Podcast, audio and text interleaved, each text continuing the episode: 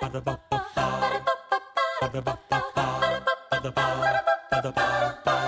Ba ba ba ba. האוניברסיטה המשודרת בשיתוף מיזם וויז מציגה המדען העירום. מיטב החוקרים בישראל בשיחה עם בן שני, אחד על אחד מול קהל. והפעם, שיחה נוספת עם הדוקטור רעות סורק אברמוביץ', חוקרת במרכז מחקר ופיתוח מדבר וים המלח וראש אגודת מאדים הישראלית על המסע למאדים והמצוד אחר חיים ביקום. עורכת ראשית, מאיה גאייר. ערב טוב, ערב טוב לקהל כאן בבר ולמאזיני גלי צה"ל שחוזרים אלינו עכשיו לחלקו השני של המפגש עם האסטרוביולוגי דוקטור רעות סורק אברמוביץ'. ערב טוב. ערב טוב, בן. בחלק הראשון דיברנו על תחום המחקר הזה שנקרא אסטרוביולוגיה, מחקר שמחפש אחרי חיים על כוכבי לכת ביקום. לא דיברנו מספיק. לא דיברנו מספיק? לא. הערב אנחנו הולכים לדבר על כוכב אחד מסקרן שנמצא יחסית לא רחוק מכאן, אני מתכוון כמובן למאדים. וזה רלוונטי כיוון שהאורחת שלנו הערב היא לא רק חוקרת אסטרוביולוגיה, אלא גם יושבת ראש אגודת מאדים הישראלית. אנחנו הולכים להבין בדיוק מה זה אומר, התואר המחייב הזה. לפני בדיוק 50 שנים הנחתנו בני אדם על הירח. הערב אנחנו הולכים לדבר על האתגר הגדול הבא של האנושות, להוציא בפעם הראשונה משימה מאוישת למאדים. ננסה להבין עד כמה זה מסובך ומה צריך לקרות כדי שמשימה כזאת תצליח ובסוף, דוקטור אברמוביץ', את גם תספרי לנו על הניסיונות והאימונים שאת והחברים שלך עורכים כאן בנגב בסביבה שמדמה את מאדים. על החלום האישי שלכם לקחת חלק במסע לכוכב האדום. אנחנו במדען העירום של גלי צה"ל, את כל השיחות, גם את השיחה הקודמת שלנו, אפשר לשמוע בפודקאסט שלנו או באתר גלי צה"ל. אז בואי רגע נדבר על מאדים, כי כשרואים תמונות שהרוברים מצלמים מפני השטח של מאדים, האמת זה נראה מוכר. נכון. זה נראה נורא נכון. דומה. ממש דומה. נכון? מצוק העתקים, מדבר יהודה, מחוש כן. רמון, הכל בסדר. עד כמה הכוכב הזה באמת דומה לכוכב שאנחנו חיים עליו? כוכב לא. הלכת שאנחנו חיים עליו? לא, לא דומה. לא דומה? לא, לא דומה. זאת אומרת, אה, אנחנו יודעים היום שמבחינה גיאולוגית יש בו דמיון. יש חרסיות, יש וולקניזם, יש בזלטים, אנחנו מוצאים דברים שנוצרו על ידי פעילות מים לפני מיליארדי שנה, המטייט, גבס, ג'יפסום, דברים כאלה. אבל uh, היום, כרגע, מאדים הוא כוכב לכת מאוד שונה מכדור הארץ. גם מבחינת המסה, גם מבחינת ה... הוא סוג של אנטארקטיקה בשלישית כזה קצת. מאוד קר, בדרך כלל, שומם מאוד. אוקיי, את מלא אומרת. שומם מאוד, אבל אמרת קודם מים, זאת אומרת ש- שהוא לא תמיד נראה ככה. לא, הוא לא תמיד נראה ככה. הוא הרבה יותר קטן מ- מכדור הארץ, אבל בעבר היה לו אוקיינוסים הרבה יותר גדולים ממה שיש היום בכדור הארץ אפילו. ופעם הוא היה כנראה הרבה יותר טוב, הייתה לו אטמוספירה מאוד uh, נעימה, שהגנה כנראה מפני קרינה קוסמית ומפני קרינה סולארית, והמים היו במצב נוזלי על פני כוכב הלכת. אנחנו לא כל כך יודעים מה קרה למאדים, וזה מאוד אה, מרתק ומדאיג בו זמנית. מדאיג כי... בני אדם חיים שנות דור, אנחנו אפילו לא מסוגלים לתפוס מה היה פה לפני אלף שנה. ופתאום משהו כמו כוכב לכת שלם שפשוט הפסיק uh, לעבוד. הליבה שלו לא מסתובבת, אין לו שדה מגנטי, אין לו אטמוספירה עכשיו. מקום מאוד desolate, מאוד שומם, מאוד אה, צחיח. זה קצת מדאיג, כי הוא התחיל אותו דבר כמו כדור הארץ, כנראה. אז מה קרה? דבר כזה יכול להיות הפיך? אולי? אני לא יודעת, אנשים אה, מדברים על אה, פרויקט terraforming, של מאדים בהתלהבות ניכרת כבר 60. terraforming זה terraforming הארצה בעברית עם א', להפוך אותו דומה- לכדור הארץ. דומה לכדור הארץ, כן, אוקיי. והיו כמה רעיונות מאוד מעניינים. זה נושא שהאנושות חוזרת אליו כבר 60 שנה כל הזמן. זאת אומרת, בין אם זה סופרי מדע בדיוני, בין אם זה אנשי תרבות, בין אם זה מדענים. אנשים מאוד אוהבים את הרעיון של להפוך אותו לכוכב לכת ידידותי. יש עם זה המון בעיות. חוץ מהעובדה הפילוסופית שמי אנחנו שנחליט להפוך כוכב לכת אחר להארצה. טוב, זה אף פעם לא לא עצר אותנו מלעשות דברים. מלכבוש כן. דברים, אתה כן. אומר, וליישב אותם. אבל יש עם זה המון המון בעיות טכניות. אנחנו לא, אף פעם לא עשינו, זה נקרא בעצם הנדסת כוכב. אוקיי. אנחנו אף פעם לא עשינו הנדסת כוכב. פה בכדור הארץ אנחנו לא מצליחים להנדס כאילו שיהיה פחות אה, משבר אקלימי, אז תלכי איתי למדע בדיוני, מה צריך לקרות כדי שנעריץ באלף אה, כוכב? כדי להריץ אה, כוכב אתה צריך להתחיל לדאוג מזה שיהיה לו שדה מגנטי כלשהו, או שתיצור אתה איזושהי הגנה, כי הקרינה הסולארית והקרינה הקוסמית שדיברתי עליה הן ניתחות כל הזמן על פני השטח. רגע, תסבירי את זה באיטיות. למה צריך שדה מגנטי בכוכב? שדה מגנטי בעצם אה, חוסם לך או מטה לך אה, חלקיקים טעוני אנרגיה שמגיעים מהשמש ומגיעים ממקורות אחרים בגלקסיה. קרינה. קרינה.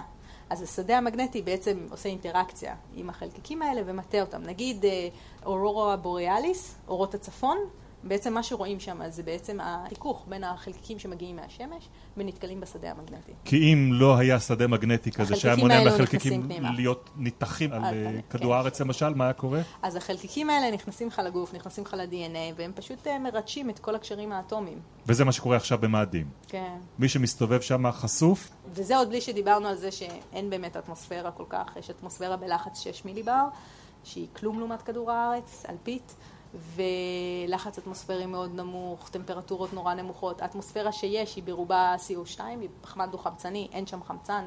אתה לא יכול לחיות שם כרגע, אז בהערצה אתה תרצה לגרום לתהליכים בקנה מידה של כוכב לכת, שבהם אתה יכול לייצר מים נוזליים, אתה יכול לייצר צמחייה, שתעשה לך פוטוסינתזה, שיהיה לך חמצן באטמוספירה. זה...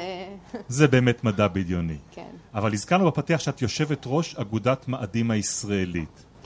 תסבירי את, ה... את התפקיד ואת מהותה של העמותה. העמותה באה לקדם את הידע על מאדים לציבור הרחב. ב-2020 הולכים להיות איזה שישה, שבעה שיגורים למאדים. זה כוכב לכת סופר מרתק, אנחנו מאמינים שהאנושות יכולה וצריכה ללכת ליישב את זה. ליישב את זה. כן, כן. כי מה? כי צריך עוד מקום ליישב חוץ מהכוכב לכת שאנחנו נמצאים קודם עליו. תיארת איך אי אפשר לחיות על פני מאדים היום. בסדר, קצת אתגר, נו, בן. קצת אתגר, לא קרה כלום. תשמע, זה כמו ליישב תחנת חלל, זה כמו ליישב בסיס על הירח, זה כמו ליישב בסיסים באנטארקטיקה, זה כמו ליישב בסיסים על מאדים. זה כן, קשה מאוד, כשאני חושב על כל הבסיסים האלה, אני לא חושב על ציוויליזציה שחיה במקום הזה. מתחילים מקטן. חוץ מזה, אנטארקטיקה לא יכולה להיות ציוויליזציה, כי לכולם יש את היבשות האחרות לחיות בהן, אז למה שהם יחיו על אנטארקטיקה?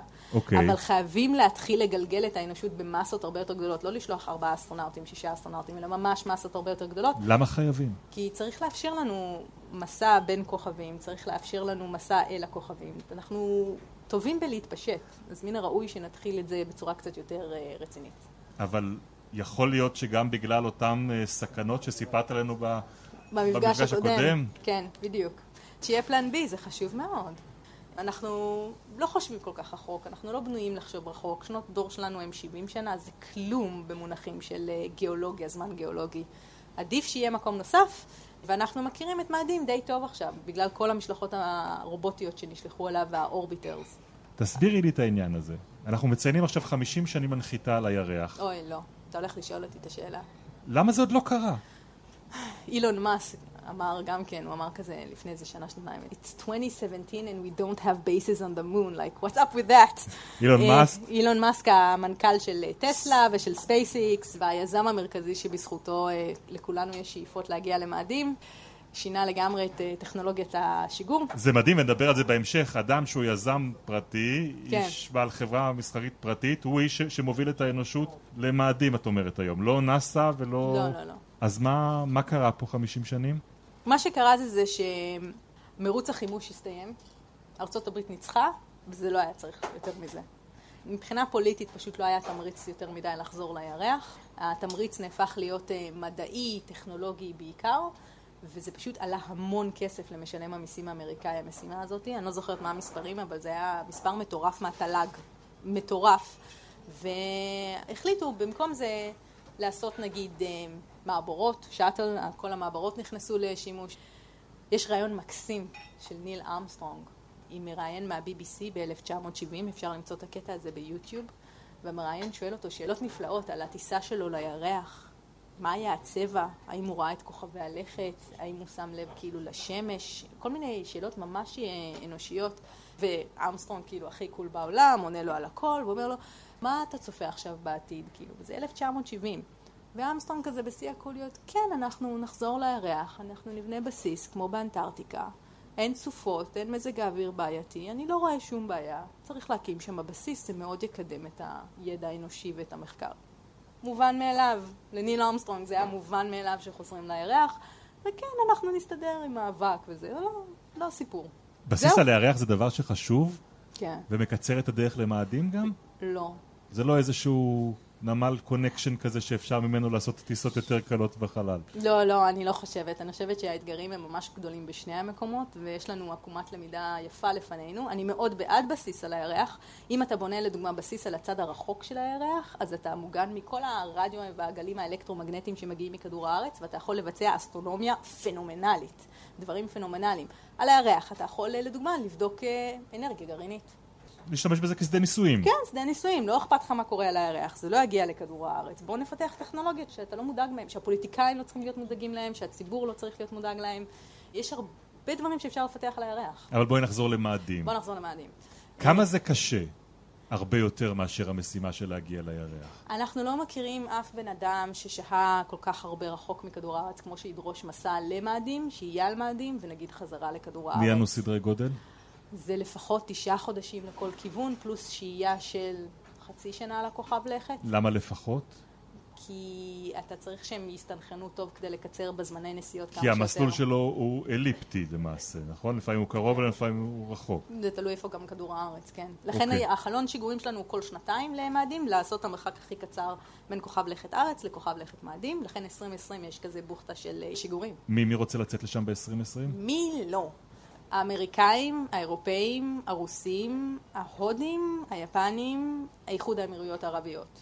גם הם. כן, יש להם אחלה תוכנית. כן? יש להם אה, חללית שהם קוראים לה Hope אל-עמל. כן, הם הולכים לשגר את Hope, הם אמורים לשגר את זה ב-2020, קייפ קנברל אם אני לא טועה, וזה אמור להגיע למאדים באזור 2021, וזה מקיף את הכוכב לכת ועושה דגימות אטמוספריות. אבל כולם לענות. ישלחו לשם ב-20 לסים. רוברים כאלה, אמרת רחפנים אה, במפגש לא, הקודם אז אולי היחידים יעופו שם. ששולחים רוברים אה, זה נאסא וסוכנות החלל האירופאית, שניהם בנפרד, כל אחד פרויקט בומבסטי אחר. אני מהמרת שנאסא תצליח עם הרובר להנחית. משנת 1960 שוגרו כ-57 משימות למאדים. משהו כמו 27 מתוכם התרסקו, ולא הצליחו להגיע בכלל לפעמים לכוכב לכת. לנאסא יש רקורד פנומנלי בלנחות על כוכב לכת מאדים. אבל כשאני דיברתי על משימה למאדים, כן. דיברתי על משימה מה, מאוישת. מאוישת למאדים. כן, אז uh, המשימות המאוישות יחכו קצת זמן, אבל לא הרבה. זאת אומרת, SpaceX שמובלת על ידי אילון מאסק רוצה כבר ב... לטענתו ב-2024 הוא רוצה לעשות סוג של uh, הדגמה. אתה ראית, אגב, יש לו את הסטאר הופר, שזה כן. החללית שאיתה הולך להשתמש, ויש לו שמונה קנדידטים אסטרונאוטים אמריקאים כאילו שיטיסו אותו מתי שצריך. הוא רוצה, מתכנן ל-2024, כשהוא מקווה שבאזור ה-2030 יש לו ממש משימה מאוישת למאדים. אף אחד אחר בתעשייה לא מאמין לו, וחושב שזה מופרך. מצד שני, נאס"א אומרים, אנחנו ב-2037 נוכל לעשות את זה. משימה מאוישת למאדים. אני חושב שטראמפ. אה, כבר הצהיר. אובמה. זה התחיל מאובמה, וזה כאילו עבר לטראמפ, אבל הם לא קיבלו תוספת תקציבית שהם קיוו לה. אוקיי. וכשמדברים על משלחת, על איזה סדר גודל של אנשים מדברים? אה, שישה אנשים. שישה אנשים. זה עוד לא הקבוצות הגדולות שמתכננים לשלוח. לא, כ- לא, לא, אילון מאסק ממש מתכנן על 100 איש. 100 בעתיד- איש. בעתיד, בעתיד, על 100 איש. אה, רק תחשוב על כל המשקל שאתה צריך והדלק, זה מאוד קשה. נאס"א קצת אה, יותר רגועים וחושבים על שישה אנשים, ונראה. אילון מאסק, אוקיי, הוא יש עם זה הרבה בעיות טכניות, אני רוצה להגדיר, ממש. אז דברי על הבעיות הטכניות. הבעיות הטכניות הן שאנחנו לא... הם הולכים להיות בחלל בכיוון אחד בין שישה לתשעה חודשים לפני הנחיתה. הם חשופים לקרינה קוסמית שדיברתי עליה קודם. הם לא מוגנים כל כך טוב בתוך החללית. אנחנו עוד לא יודעים איך להגן עליהם ממש טוב. המערכות מחזור שלנו הן לא מספיק טובות בשביל... אה, אבל כבר שמענו על אנשים שנמצאים לצורך העניין בתחנת החלל, תחנת החלל לא ארוכות. חשופה לקרינה קוסמית, היא נמצאת אה, נמוך. היא נמצאת בתוך אזור שנקרא אלן, זה פשוט מזכיר לי אוקיי. קרבות WWF. אמ, אז כן, זה טבעות ון הלן, שהן בעצם באמת מגינות מפני קרינה קוסמית, ולכן הם לא חשופים כל כך. הם עדיין חשופים, כמו שעושים אה, בדיקות לטייסי קרב ולטייסים בשירות מסחרי שטסים הרבה בגובה, אז גם להם עושים את הבדיקות הזה, אבל הם לא חשופים לאותה מידת קרינה שמגיעה ישירות, כי אוקיי. הטבעות הלן ויש דרך. להגן על. צורים אנושיים מקרינה קוסמית? ב...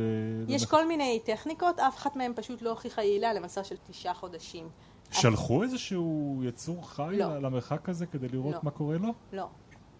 אפילו לא לייקה כזאת. לא, אוקיי. אני- אני אבל גם- גם לא דובוני המים שסיפרת עליהם גם קודם. לא קופים ולא חזירים ולא כלבים ולא כלום. אוקיי. אז קרינה קוסמית סכנה קרינה מספר קוסמית אחת. מספר אחת. מיקרוגרביטציה זה סכנה שנייה. מה? אנחנו יודעים מתחנת החלל הבינלאומית שהם חווים מיקרוגרביטציה, שיש עם זה לא מעט בעיות על מערכות הפיזיולוגיות בגוף. לחץ תוך עיני, איך הלב שלך עובד, מה קורה לעצמות שלך, חלק מהדברים האלה יש כבר אה, פתרונות, אבל חלק ממש אין. אז זה יהיה בעיה. הם גם כשהם נוחתים הם מאוד חלשים ואין להם אוריינטציה טובה, אז אם אתה פתאום תשעה חודשים כזה מרחף לך, ואז נוחת על כוכב לכת, הגם שהוא רק 40% גרביטציה, זה, זה חוסר אוריינטציה מאוד כבד. אתה כבר נוחת קצת חולה, את אומרת. אתה, אתה נוחת קצת חולה, ואין אה, בית חולים באזור. אוקיי. זה בעיה. אז בעיה השנייה היא פיזיולוגית. זה שתי הבעיות העיקריות. מה עם אנרגיה? שתיקח אותך עד לשם ושתחזיר תחזיר אותך אותך. בחזרה זה משם. בעיה. זה בעיה. אה, רוברט זוברין, שהוא היה מהנדס אה, אווירונאוטיקה, הציע בעבר לעשות סוג של באמת אה, תא דלק, שאתה שולח מראש את המכלי דלק, לא עם דלק, אלא עם דרך להכין אותם במאדים, ובינתיים יחד עם מתאן ודברים נוספים, אתה יוצר לך את הדלק שאתה צריך לחלליות, ואז אחר כך שולח את האנשים. אבל עזוב, נו. תראי, כל הדברים האלה שתיארת אה, זה אותם, קשה מאוד. זה מאוד קשה, זה נשמע כמו משימת התאבדות. למה את והחברים שלך כל כך רוצים אה, להגיע לשם? האנושות עובדת הכי טוב כשיש לה אתגרים. אה, חוץ מזה, אני נורא אשמח אם יבזבזו כאילו מיליארדי דולרים על פיתוח טכנולוגיות חלל, ולא נגיד על מלחמות. כן, אחד הדברים, את יודעת, שאת אומרת טכנולוגיית חלל, והזכרת קודם את השם אילון מאסק, לא נחשוד בו שאין לו גם בראש איזשהו רעיון מסחרי מכל העסק הזה, ולאו. דווקא תיירות חלל. נכון. מה? מה יכול להיות מסחרי? אה, אני לא יודעת, אני חושבת שמחצבים, אני חושבת שיכולים להיות מינרלים חדשים, אני חושבת שיכולות ייצור תעשייתיות, נגיד אה, 3D printing של אה, אלומיניום sheets ודברים כאלה. אוקיי, אבל יכול להיות שיהיה משתלם לכרות מחצבים מסוימים במאדים ולהביא אותם לשיבוש כאן? יכול להיות, כן. אסטרואידים זה מאוד רחוק. טריטיום בירח, הליום 3, בירח, פלטינום, זה גם כן בירח. בירח מבחינה הזאת מחצבים הם יותר נגישים מאשר במאדים. ואנשים מסתכלים על הכיוונים האלה גם. אז בואי נדבר רגע על מה שאת והחברים שלך עושים כאן, אוקיי. שקשור לזה. אז uh, אני וחלק מהחברים שלי פה, אנחנו חלק מעמותה שנקראת גם עמותת uh, D-Mars, Desert Mars Analog Ramon Station, שהיא עמותה שהוקמה ב-2018, והיא באה כדי בעצם uh, להגשים חלום ישראלי במאדים, והיא אומרת, כל השיגורים האלה ב-2020 ואחר כך כל התוכניות, יש בהחלט טכנולוגיות ישראליות שיכולות להיות משולבות בזה. אנחנו רוצים להיות סוג של uh, בראשית שתיים לישראל, ואנחנו יכולים לעשות את זה, ובאמת עשינו את זה. יחד עם אה, אלון צ'יקר ומשה זגאי ואנשים נוספים הקמנו הביטט, שמדמה בעצם מתקן מחקר של מאדים, רק במכתש רמון. רגע, רגע, רגע, רגע. הביטט הביטט, מקום מגורים, בית גידול. במכתש רמון, כן.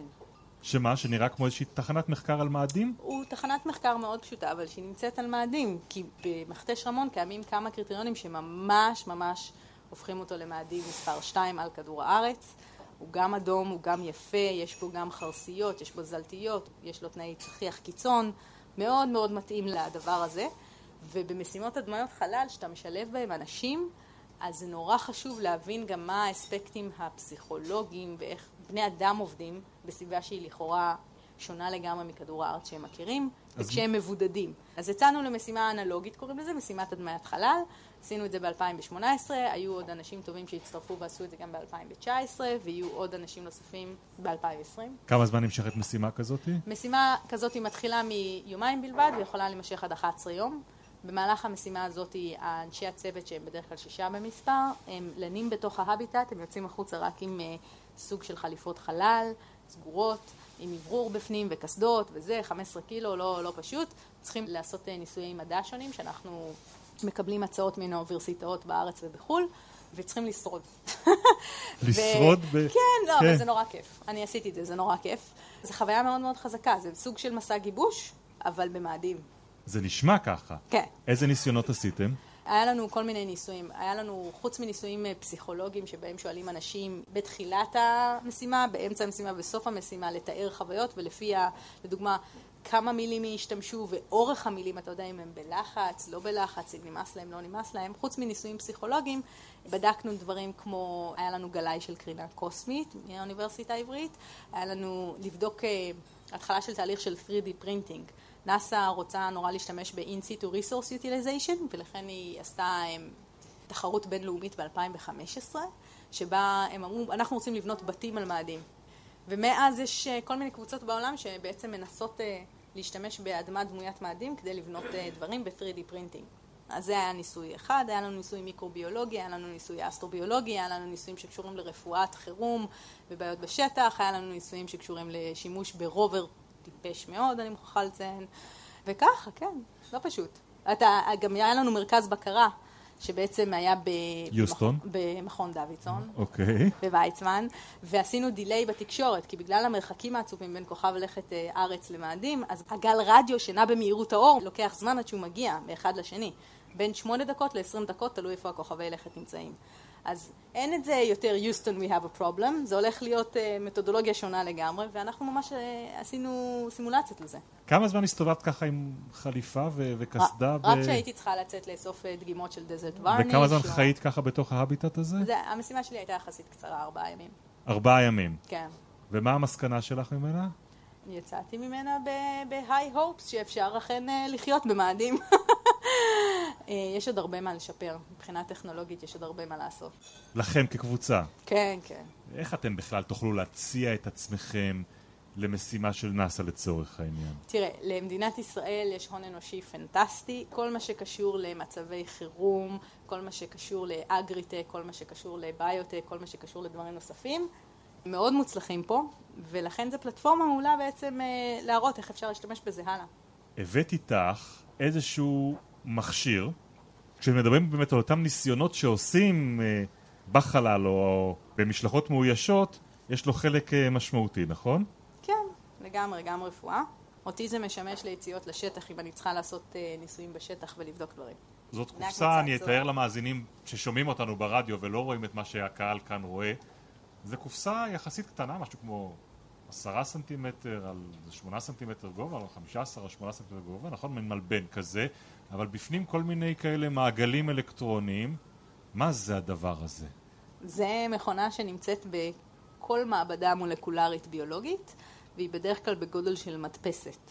וכאן היא ריבוע קטן וחמוד. ומה המדפסת הזאת יודעת להדפיס? אז המדפסת הזאת יודעת להדפיס המון המון העתקים של אה, רצפי DNA.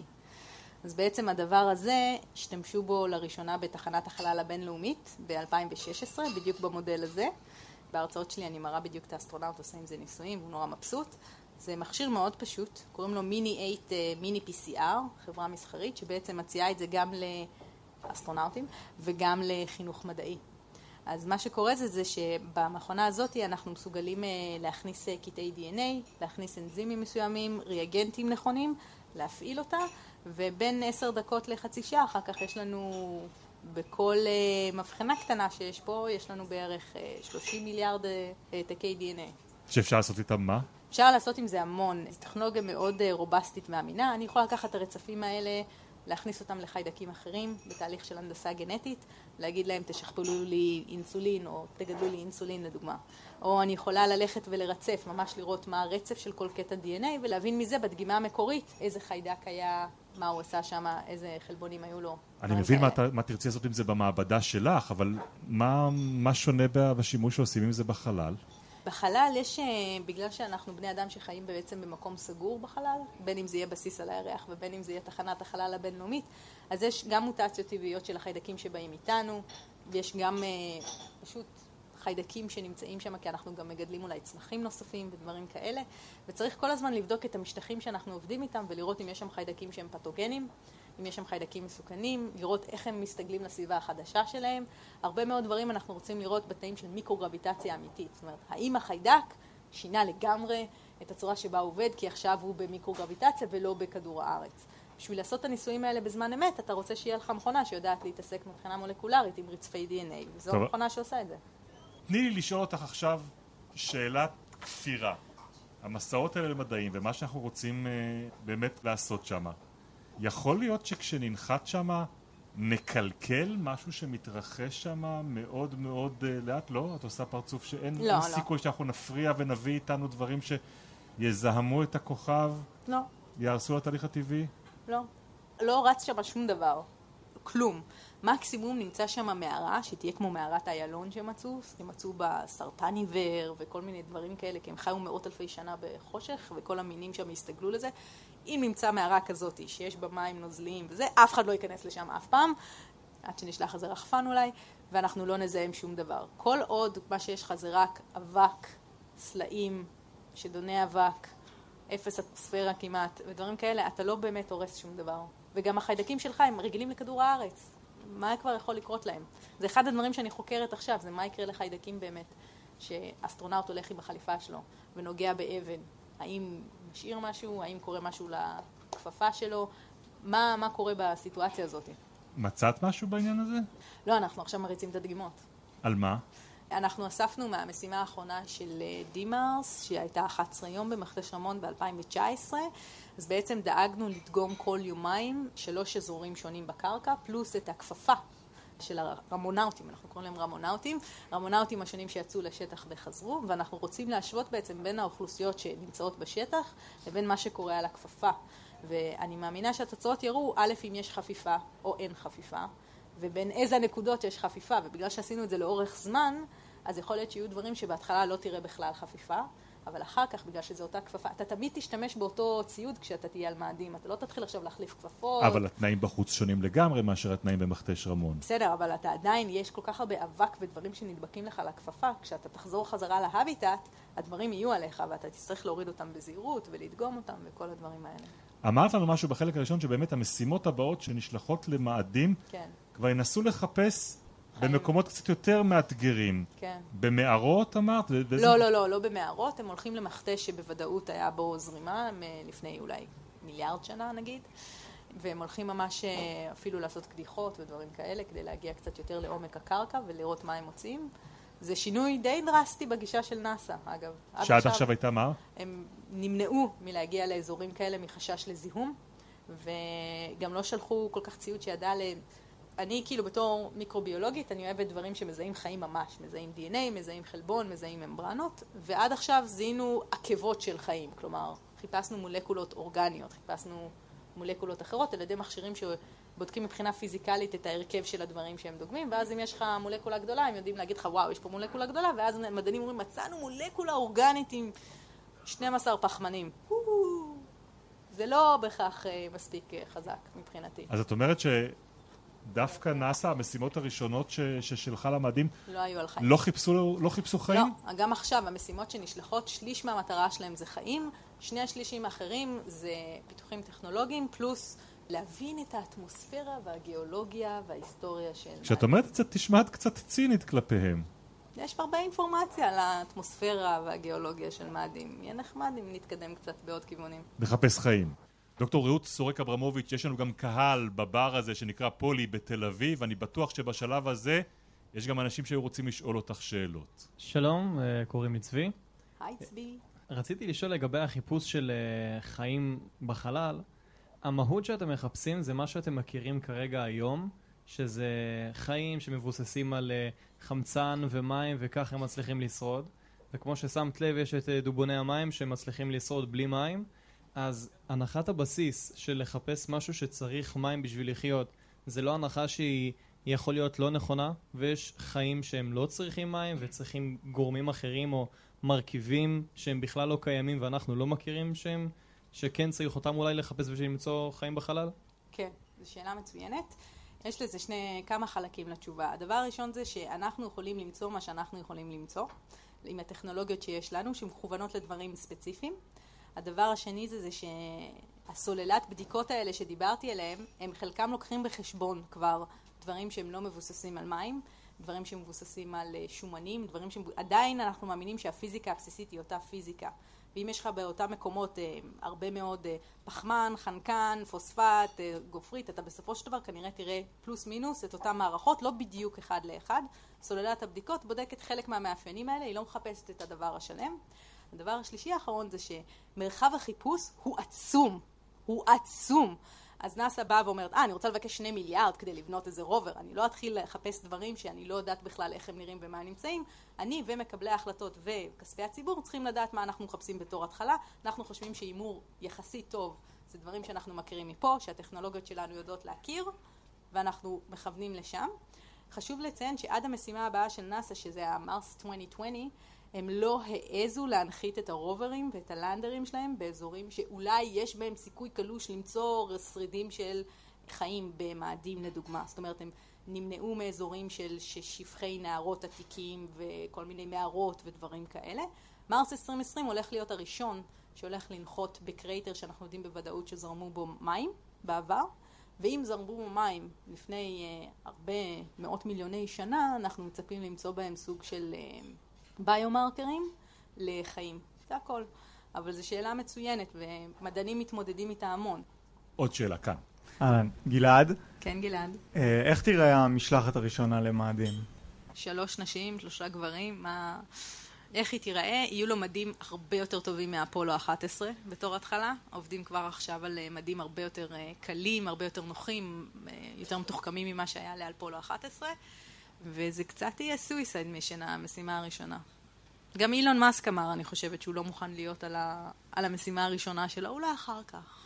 מה יהיה עוד מבחינת המערכות? זה ממש לא ברור לי. היום המערכות על תחנת החלל הבינלאומית מותאמים פיקס לאיך שתחנת החלל הבינלאומית עובדת, הם לא יתאימו למסע למאדים, ונאס"א תצטרך להחליט איך היא מנחיתה אותם, לדעתי יש להם את הכי הרבה ניסיון בלהנחית, אז אני לא חושבת שיגלגלו אותם בכאלה כדורי אוויר גדולים, אבל אה, אולי דווקא עם אה, רקטות לנחיתה, כמו שהם עושים עם קיוריוסיטי ו-Mars 2020. אוקיי, דוקטור רות סורק אברמוביץ', לקראת סיום לי יש סדרה של שאלות, התשובה עליהן עכשיו צריכה להיות קצרה, יכולה להיות אפילו במשפט, אוקיי? גל. מחר את מקבלת טלפון. את כבר יודעת, אה? שמודיע לך אפשרות להצטרף למסע של שנתיים במסגרת משימה למאדים. יוצאת או לא יוצאת? יוצאת. אוקיי, אני רואה פה את אימא שלך מחמיצה פנים בקהל, אז זה ממשיך אותי בהמשך השיר. בלי לדבר על זה שתיקחי איתך תמונות של בני המשפחה הקרובים, כן? מה היית לוקחת לך שלא קשור למחקר? אה, הייתי לוקחת את חולית של פרנק הרברט. אוקיי. אם היו נותנים לך תקציב בלתי מוגבל. הופה! לעשות איזה מחקר שאת רוצה. כן. מה היה המחקר הזה? על הירח. מה לעשות שם? הכל. תני כבר הצעת מחקר, יש לך פה גרנט של uh, מיליארד. הייתי מסתכלת על איך אה, מיקרואורגניזם מתפקדים בסביבת uh, חלל, בסביבת ירח, איך הם משפיעים על הפיזיולוגיה האנושית, בריאות, עניינים. בודקת. אז בואי נחזור לקרקע המציאות. מה המחקר... כולה שישה ימים הבנתי להגיע לשם, לא כזה סיפור. לא כן. כזה סיפור, רק לא קרה כבר 50 שנים. כן. איזה מחקר שכן את יודעת שמתקיים היום, את הכי סקרנית כבר לדעת מה תוצאותיו. האמת, יש משימה שאמורה לצאת ועוד לא יצאה, והיא אמורה לצאת לאירופה, לירח של צדק, קליפר, והם uh, אמורים לקבל מידע הרבה יותר טוב לגבי האוקיינוס שיש מתחתיו, כמו גם על uh, כל מה שקשר עם השדות המגנטיים, יש שם איזושהי דינמיקה מאוד מעניינת. אירופה מאוד מעניינת אותי. אירופה... הירח. לא הקלאסית. לא הקלאסית. הירח... הירח של? של צדק. כן. מקום מרתק, הקרח בו זז, אז אנחנו יודעים שיש פעילות uh, תת-קרקעית שם, אז זה סופר מרתק. אז שאלה אחרונה. כן. נחזור לאותה שאלה ראשונה על הטלפון שאת מקבלת. אם ההצעה שם היא לא למשלחת למאדים, אלא לרילוקיישן. למאדים. לוקחת או לא לוקחת? אם זה רילוקיישן ראשון, וראשון מעלה הראשון של האנושות, אז לא. לא. ככה נסיים? כנראה שככה נסיים. דוקטור רעות סורק אברמוביץ', תודה רבה רבה לך. את המדען העירום עורכת מאיה גייר, המפיקה היא גיא חלמיש, על הביצוע הטכני הערב דניאל שבתאי ויאיר בשן. תודה רבה לעמותת וויז ולבר הפולי שמארח אותנו. עד הפעם הבאה, עד השידור הבא של המדען העירום, אני בן שני אומר לכם, לילה טוב.